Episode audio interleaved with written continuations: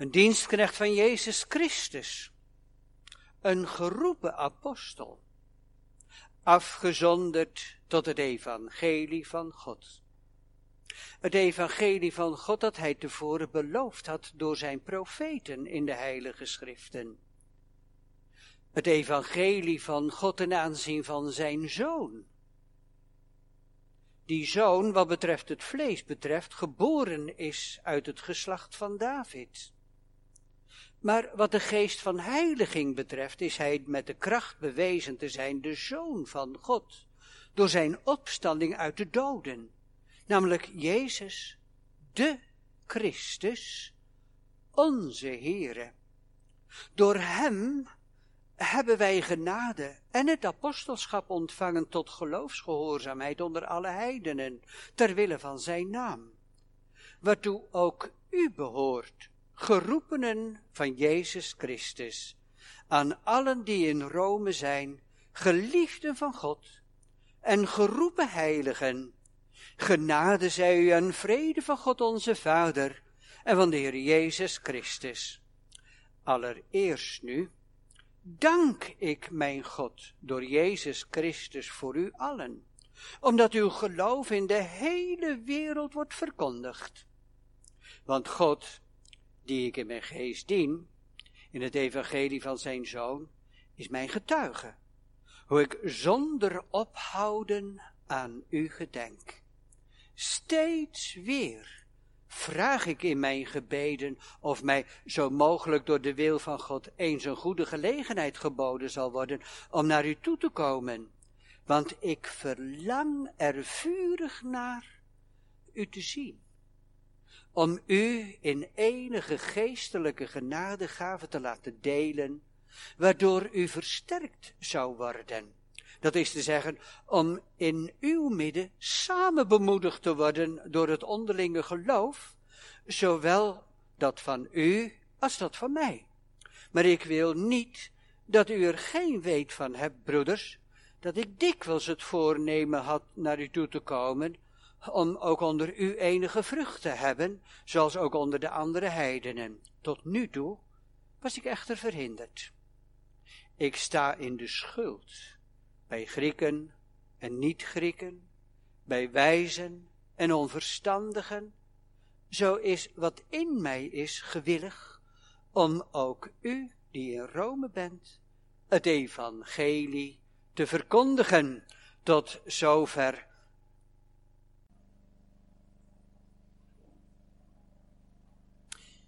In het Oude Testament vinden we de gemeenschap de gemeente. Wat dat betekent al bezongen in Psalm 133, vers 1 en 2 uit Weerklank. Weerklank, Psalm 133, vers 1 en 2 in antwoord op de prediking.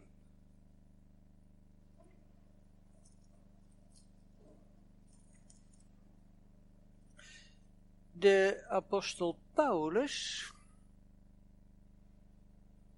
heeft de gemeente in Rome niet gesticht.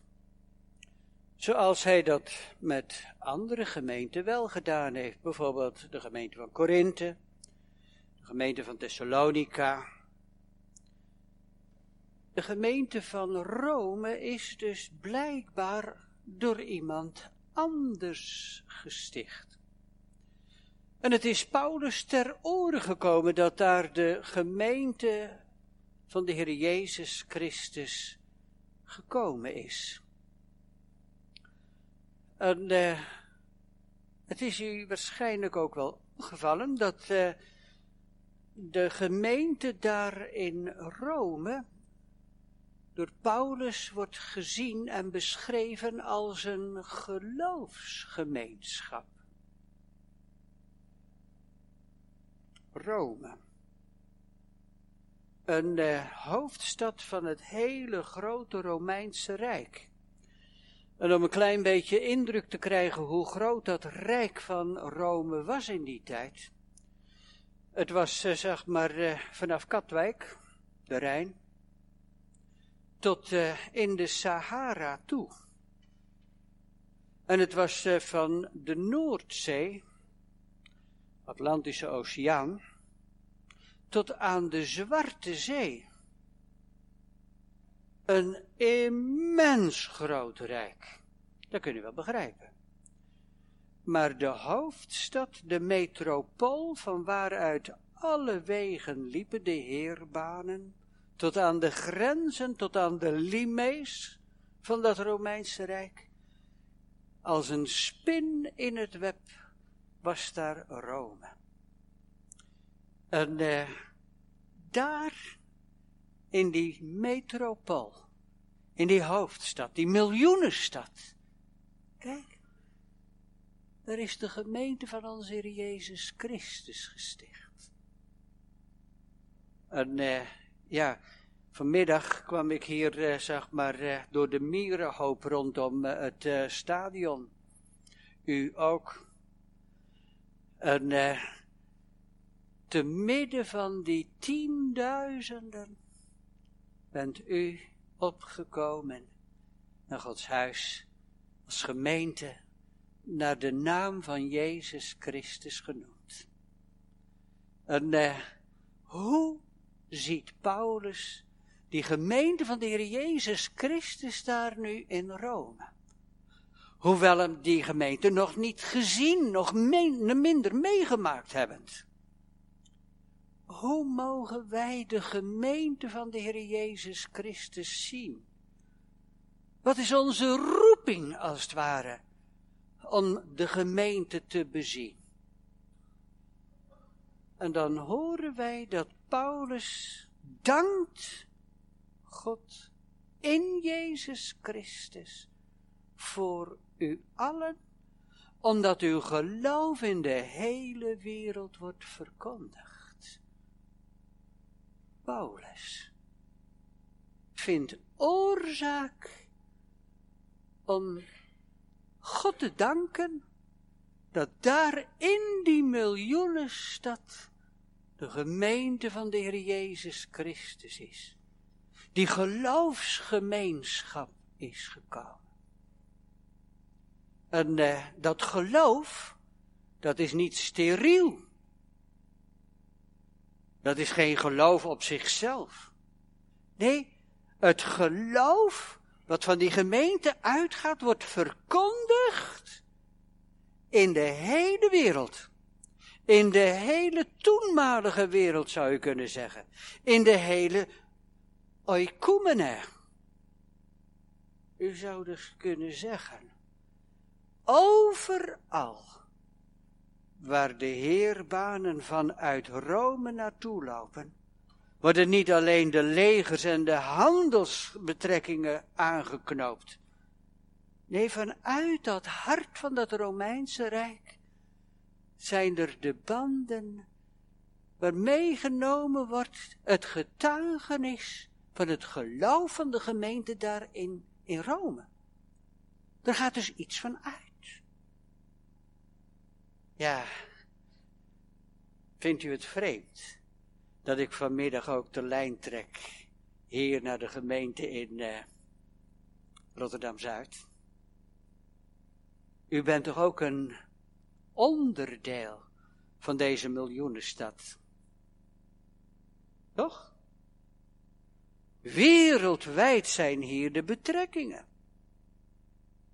Een wereldhaven. Mag het geloof van u gemeente van onze Heer Jezus Christus hier in Rotterdam ook een exportartikel zijn. Mag het ook een handelskenmerk zijn voor u? Dan, dan merkt u het dus dat zeg maar, uw geloof niet beperkt kan blijven tot de activiteiten zondags hier in, uh, in de kerk. Hè?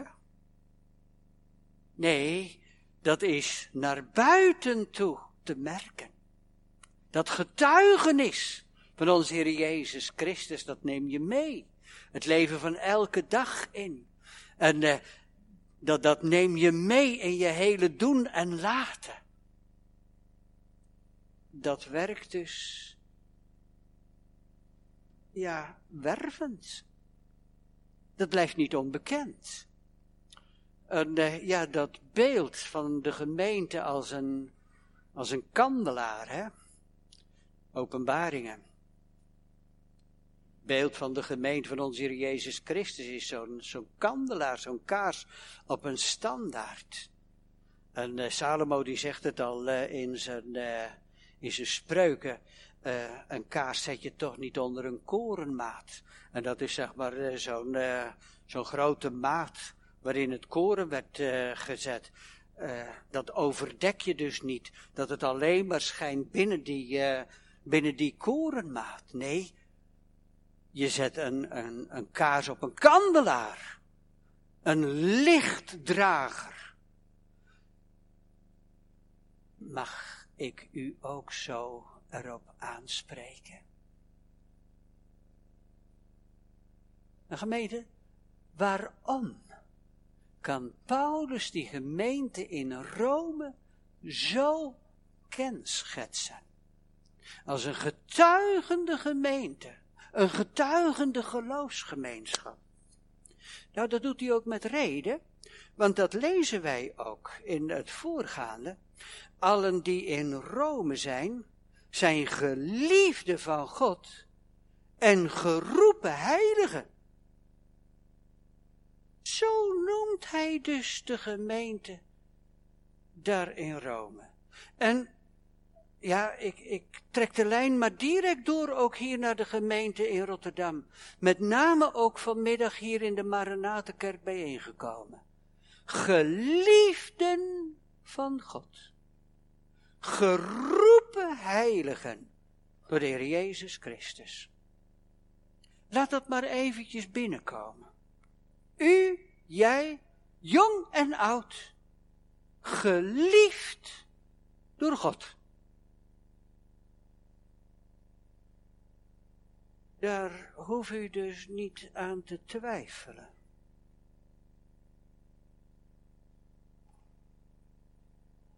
Want we hebben te maken met de Vader van onze Heer Jezus Christus. Die de mensen lief heeft. De engelen zongen het in de kerstnacht, hè? In mensen een welbehagen. En dat betekent dat hij dus deze wereld, verloren in zonde en schuld, vijanden, lief gehad heeft. Ik hoop dat u het nog meegenomen hebt bij de laatste avondmaalsviering. Hierin bevestigt God zijn liefde jegens ons, dat hij zijn zoon heeft gezonden zijn zoon heeft gegeven toen wij nog vrienden waren geworden. Ja, de duivel die wil dat wel graag laten, uh, laten doorklinken in je hart. Dat de Heer Jezus alleen maar lief heeft die hem lief hebben. Nee, hierin bevestigt God zijn liefde jegens ons. Dat de Heer Jezus Christus door hem gegeven is toen wij nog zondaars waren. Welbehagen van de Vader, waar de hemelen van zongen. Gemeente, ziet u zo ook de gemeente. Als mensen die door God geliefd zijn. Waar God zijn welbehagen naar uitgaat. En dat ook bevestigt, hè? In de zending van zijn zoon. En uh, ja, dan is het een niet los te maken van het ander. Door de Vader geliefd. Geroepen heiligen door de Heer Jezus Christus. Geroepen heiligen. Zullen wij bij dat laatste maar beginnen, heiligen? Oeh. Mag ik u zo zien? Paulus die zegt het daar, hè? Die gemeente daar in Rome. Heiligen. En ze zijn niet heilig verklaard door de paus. Die daar in het Vaticaan, eh, zeg maar, zijn zetel heeft. Zo doet de Rooms-Katholieke Kerk het wel. Dan moet je dus uh, wel in aanmerking komen om, uh, zeg maar, heilig verklaard te worden, dat weet u toch wel. Eerst zalig, en uh, vervolgens, na zoveel tijd, dat moet bezinken, dan pas kun je heilig worden. Maar dan moeten er wel een paar wonderen gedaan zijn door die mensen die zalig verklaard kunnen worden door de paus, door de, door de curie. Maar als u nou de Bijbel leest, van voor tot achter, heb je het ontdekt dat niet een mens heiligt en heilig verklaart. Dat kan er maar één. Dat is God. God is het die heiligt. God is het die heilig verklaart. En dat gebeurt in en door de Heer Jezus Christus. In Christus ziet God in de gemeente geen enkele zonde aan. Ook weer dat avondmaalsformulier, dat slot, hè, dat je ervan verzekerd mag zijn dat omwille van het volbrachte werk van de Heer Jezus Christus, de Vader, nimmer meer op mij zal toornen, boos zal zijn, maar dat hij ons aanziet als de toekomstige bruid, waarin geen vlek en rimpel meer is. Maar dan merk u dus wel, tussen de Vader en u, tussen de Vader en de gemeente, daar staat hier Jezus Christus. En daarom kan ook Paulus, omwille van Christus en in Christus, die dankbaarheid ook jegens de Vader betuigen. Heiligen. In Christus, door Christus, heilig verklaard door de Vader. Maar geroepen heiligen. Ja, datgene wat God in de Heer Jezus Christus doet, in de gemeente en voor de gemeente, ook door de gemeente, dat heeft te maken met roeping. Je wordt geroepen. En, uh, ja, Paulus gebruikt hier eigenlijk een werkwoord wat, wat hij ontleent aan het Oude Testament. Het kahal. En uh, de gemeente onder het oude verbond wordt namelijk ecclesia genoemd, in het Grieks vertaald, in de Septuaginta. De ecclesia Jewe, de, de, de kerk van de Heer Jezus, van, van God, van de Heere. Ecclesia, dat betekent uitgeroepen. Als God, als de Heer Jezus Christus roept, dan roept hij namelijk ook ergens vandaan. Hij roept allereerst, om het eens zo te zeggen, naar zich toe. Want wij zijn van nature van hem afgekeerd. Een, uh, een kind kan het begrijpen, hè? Als je ongehoorzaam bent en van huis wegloopt, bij je ouders vandaan loopt, dan word je geroepen. Hey Piet! Hey Piet! Omkeren, terugkeren. Nou, dat doet God in de Heer Jezus Christus. Hij roept ons terug naar Hem toe. Uit de duisternis tot Zijn wonderbare licht. En dat betekent ook dat je geroepen wordt van het terrein van de vorst der duisternis naar het terrein van God en de Heer Jezus Christus. En die roeping betekent ook dat wij gemaakt worden tot het eigendom van Christus.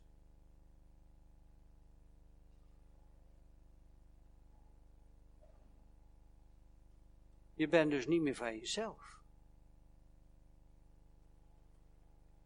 Je wordt gemaakt eigendom van de Heer Jezus Christus.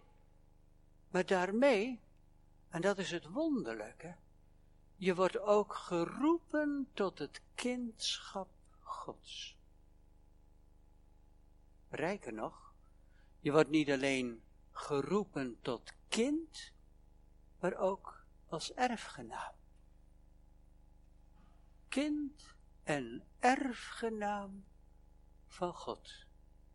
En dat betekent broeder of zuster van de Heer Jezus Christus. Maar ook mede-erfgenaam met de Heer Jezus Christus. Mede, die roeping van God, hè, heeft niet alleen betrekking op die heiligheid, maar die roeping van God heeft, heeft eigenlijk ja, te maken met alle vezels van je bestaan. Weet u hoe dat de catechismus dat op een gegeven moment onder woorden brengt? Je bent met lichaam en ziel het eigendom van de Heer Jezus Christus.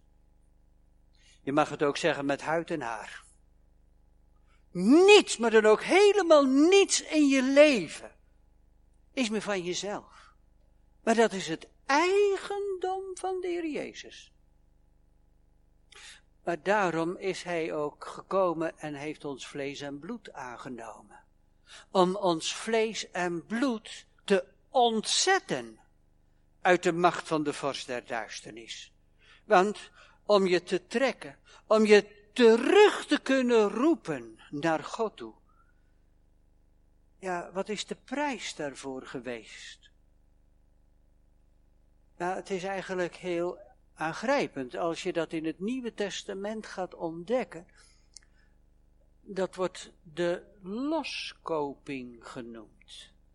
Jezus heeft een losprijs betaald om ons zeg maar, uit de macht van de vorst der duisternis, uit de macht van de zonde, uit de macht van de banden van de dood te kunnen wegroepen en te brengen in het licht, te brengen tot het eigendom van de Heer Jezus Christus. Op het ogenblik uh, is het uh, weer volop in de belangstelling, 75 jaar bevrijding. Nou, Rotterdam weet daar natuurlijk alles van. Toen 80 jaar geleden de stad werd gebombardeerd door de vijanden. Wat moet het voor de Rotterdammer? Een geweldig moment geweest zijn toen de laatste nazi het veld moest ruimen en de aftocht blazen. Wat, wat, wat kon niet alleen de, de stad opgebouwd worden, maar wat kon dat kon ook weer opgeademd worden. Die vrijheid. Oh, wat een blijdschap. Ja, ik, ik kan me de plaatjes nog herinneren. De blijdschap die onbepaald was, hè? toch? Grenzeloze blijdschap. En dat mag nu de gemeente van onze Heer Jezus Christus in Rome ten deel gevallen zijn. Ze mogen weten dat ze losgekocht zijn. Tegen een hoge prijs. En dat ze gemaakt zijn tot kind en erfgenaam van deze God, die levende God. Een gemeente, dat is zeg maar het, het, het fundament van de gemeente. Wat zeg maar uitstraalt. Want als je weet dat je zo geliefd bent door deze God, als je ervan overtuigd bent dat je het eigendom bent van de Heer Jezus Christus met huid en haar in leven en in sterven. Dan is dat toch aan je te zien. Je kon het toch zien in, uh, in 45. Of mensen dus bevrijd waren. En of dat ze ervan overtuigd waren dat ze vrij waren. Dat, dat, dat, dat kan toch niet onder stoelen of banken geschoven worden? Nee, dat moet eruit. En zo is het ook met de gemeente van onze Heer Jezus Christus. En laat u daarom ook die genade niet ontroven. Die genade en die vrede van God en de Heer Jezus Christus. Paulus treedt zo de gemeente in Rome tegemoet, maar dat niet alleen.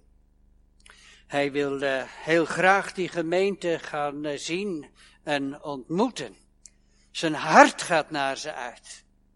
En uh, ja, hij schrijft het dan ook dat hij dagelijks bij de dankzegging ook het gebed voegt voor de gemeente.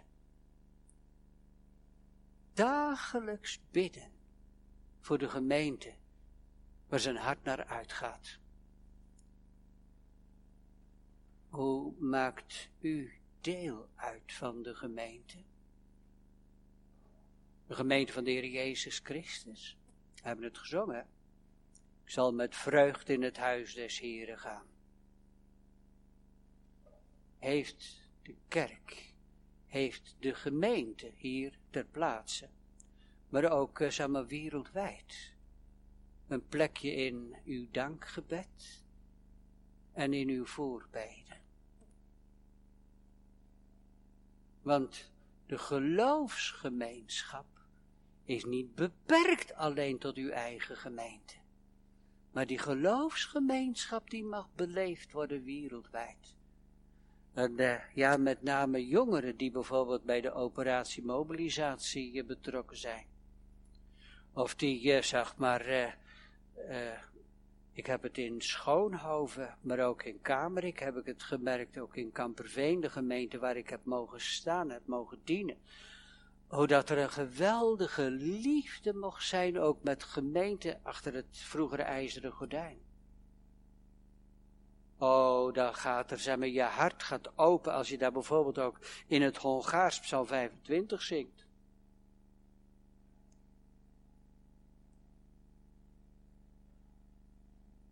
Wat zijn wij geweldig gezegend, gemeente. Als wij deel uitmaken van zo'n geweldig volk, dat Hij onze koning is, de koning der koningen. En uh, ja, je hart gaat dan vol liefde uit naar de gemeente ook over de grenzen, die je zelfs niet kent. Maar ze koesteren dezelfde liefde tot dezelfde heren. En uh, ja, waarom wil Paulus naar die gemeente in Rome? Hij verlangt er vurig naar, niet alleen om ze te zien, maar om u in enige geestelijke genadegave te laten delen.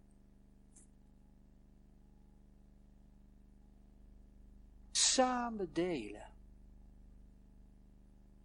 In de genadegaven die God schenkt. U weet het toch dat de Heilige Geest in de gemeente bijzondere genadegaven geeft.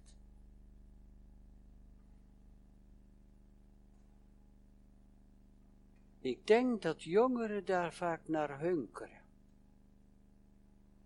Genadegaven van de Heilige Geest. Paulus, die verlangt ernaar om die genadegaven te mogen meedelen. Want, ja, dat is het kenmerk van het geloof, hè. Als je van die liefde van God denkt, en als je van de genade mag leven, Heer Jezus heeft het gezegd, hè, als je van dit water drinkt, dan wordt het in jezelf als een bron die uitspringt tot in het eeuwige leven.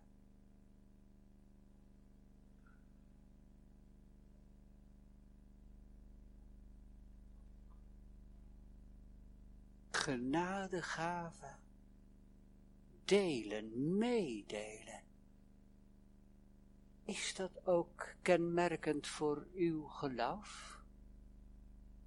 Dat u daarna verlangt om te delen met de ander. Trouwens, dat uh, is in feite ook, zeg maar, de samenvatting van de wet, hè. God liefhebben boven alles. Maar dat is in antwoord op zijn liefde. En als je die liefde hebt ontvangen in je hart, dan is dat te merken aan de mededeelzaamheid, want die liefde die wil je meedelen. En dat is niet alleen, zeg maar, uh, zoals ze dat uh, een, uh, twee kilometer verderop zingen, geen woorden, maar daden. Die liefde blijkt uit onze daden, jazeker. En dat doe je met hart en ziel. ik verlang ernaar om enige geestelijke gave met u te delen. Geestelijke gave. Ja, dat is voor onze ziel, voor de psyche. Een de gemeente, een gezond geloof wil namelijk groeien, bloeien en vrucht dragen. En de Heer Jezus heeft dat schitterende beeld genomen van die ware wijnstok, u de ranken. En waarin wordt de Vader nu verheerlijkt? Dat u veel vrucht draagt. Nou, die vruchten, die mogen de ander, de naaste ten goede komen. Paulus, ja, die is apostel. Bijzonder begenadigd, zou je zeggen. Die loopt over van genadegaven. Dan is het makkelijk te delen. Nou, lees even verder wat Paulus dan van zichzelf denkt. Dat is te zeggen, om in uw midden samen bemoedigd te worden door het onderlinge geloof. Zowel dat van u als dat van mij. Paulus die heeft misschien de indruk gewekt dat hij als apostel het evangelie bedienend, zal maar zo kan uitreiken. Maar dan heb je zo het gevoel dat hij ver boven je staat. Want geestelijk doorgeleide mensen, geestelijk rijke mensen, ja, die geven nog wel eens de indruk dat ze zeg maar boven de ander staan.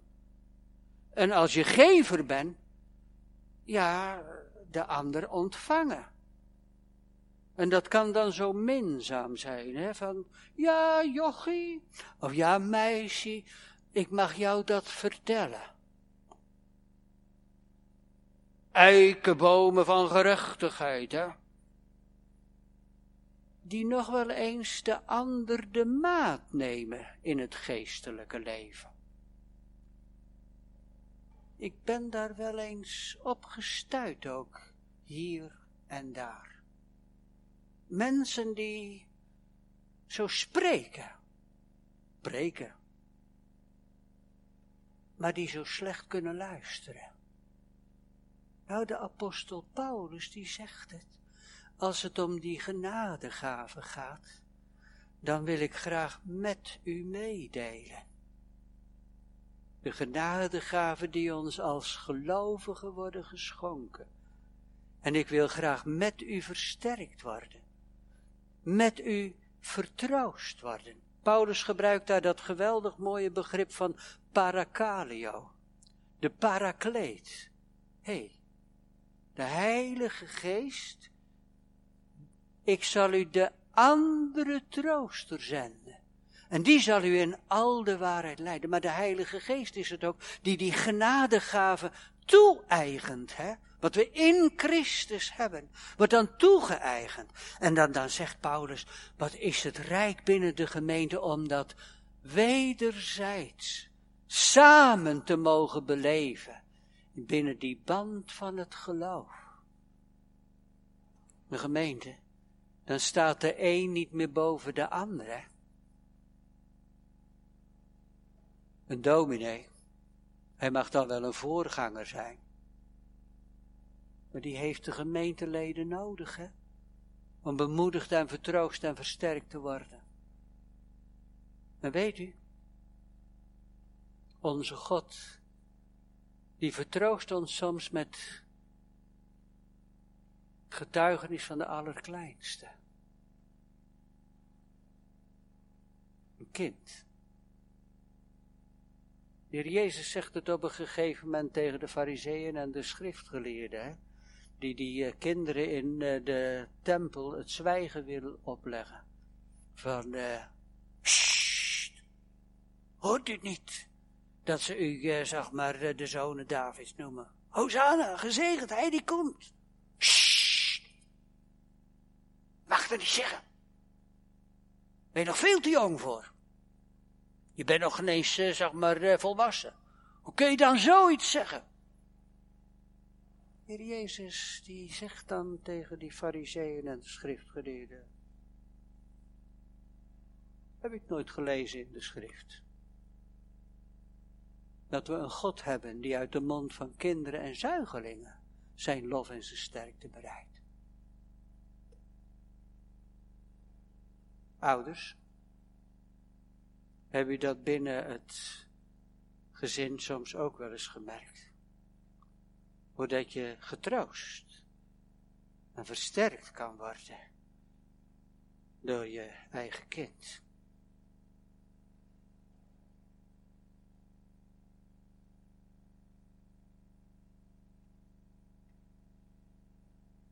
Daarop attenderen ook, eh, zeg maar, eh, de Dotse leerregels, hè. Dat ouders zich getroost mogen weten. Als de Heere uit de mond van zuigelingen zijn lof en zijn sterkte bereidt. Zo klein, hè? Het eigendom van de Heere. En de Heere bepaalt de tijd wanneer de oogst binnengehaald wordt, hè? Ik kan het niet begrijpen. Als het slechts één jaar is. Ik kan het niet begrijpen. Maar ziende op die landman. Hè? Ziende op die vader, die hemelse vader. Die zijn eigen kind gegeven heeft. Tot redding en zaligheid voor onze kinderen. En ook van onszelf. Oh, wat kun je dan met getroost verder gaan, hè? Dat kun je dan bemoedigd worden. En dat kruis dragen. Tot in zijn armen. Toch? Uit de mond van kinderen en zuigelingen. De gemeente, op die manier maken onze kinderen deel uit van de gemeente. En ik denk dat we als groten, nee, mensen die denken dat ze groot geworden zijn, die hoogmoed. Mensen die denken dat het ouderlingschap ook uh, te maken heeft met, uh, zeg maar, uh, de mate van geloof. En de mate van dat je kunt praten. Nou, Isaac da Costa, die heeft het in het commentaar op dit schriftgedeelte zo beschreven. Hij zegt, ouderlingen en predikanten die alleen maar weten te praten, zijn de allerslechtste want die weten niet te luisteren. Die weten ten diepste ook niet wat er in het hart omgaat van de gemeenteleden. Die kennen dus ook het geloof niet wat er in de gemeente is. Die zullen dus zelf ook nooit getroost en bemoedigd worden in de gemeente. Aangrijpend vindt u niet, uh, kerkenraad? Als je in de gemeente op huisbezoek nooit, uh, zeg maar, bemoedigd en versterkt en getroost wordt door het geloof wat de Heere werkt. Ja, uh, op welk niveau uh, staat uw vizier? Op welk niveau functioneert u?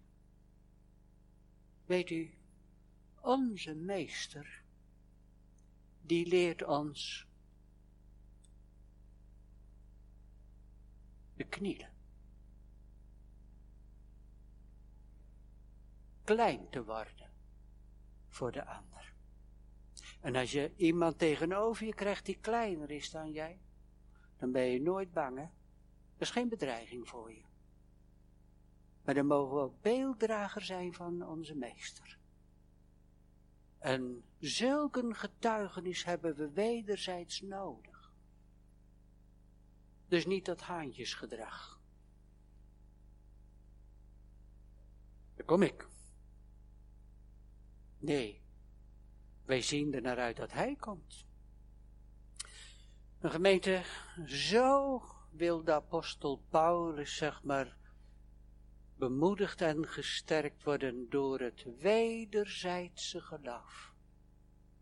Hoort wat mij God heeft ondervinden wat hij gedaan heeft aan mijn ziel. Ik sloeg heilbegeerig het oog naar boven. Ik mocht met mond en hart hem loven, hem die alleen mij bij kon staan. Ik heb het op ziekenbezoek in het ziekenhuis regelmatig mogen horen. Dominee, toen ik naar de OK werd gereden, niemand van de familie kon erbij zijn, hè? En zelfs je kind, als die, uh, zeg maar, uh, geopereerd moet worden, moet het uit handen geven. Wie is er dan bij je? Als een kind worden. Stel mijn vertrouwen op de Heer mijn God, want in zijn hand ligt heel mijn levenslot. Hem heb ik lief. En als je er dan doorheen mag komen, oh, wat mag je dan de Heere groot maken. Het is niet te vergeefs dat ik mijn vertrouwen op hem gesteld heb. Ach, de Heere die stelt nooit teleur hoor. Echt niet. Hij wil wel het kwade ons ten goede, ja tot onze zaligheid doen gedijen. En zo verlangt Paulus ernaar om in de gemeente van Rome te mogen zijn. Hij ziet er naar uit dat er vrucht op zijn werk, op zijn komst zal zijn. Een gemeente, daar mogen we ook naar uitzien. Als we zo de vruchten van het geloof, de genadegaven mogen delen, daar zal onherroepelijk vrucht op komen. Zoals de landman en zoals, uh, zeg maar, de bouwer uh, succes op zijn werk wil zien. En uh, ja, dan is het ook in de psalmen dat het ook zo staat. Wie hier bedrukt met tranen zaait, hè?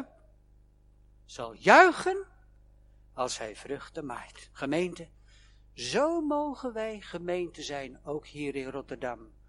Ook hier in de Maranatha-kerk. Door u, door u alleen. Om het eeuwig welbehagen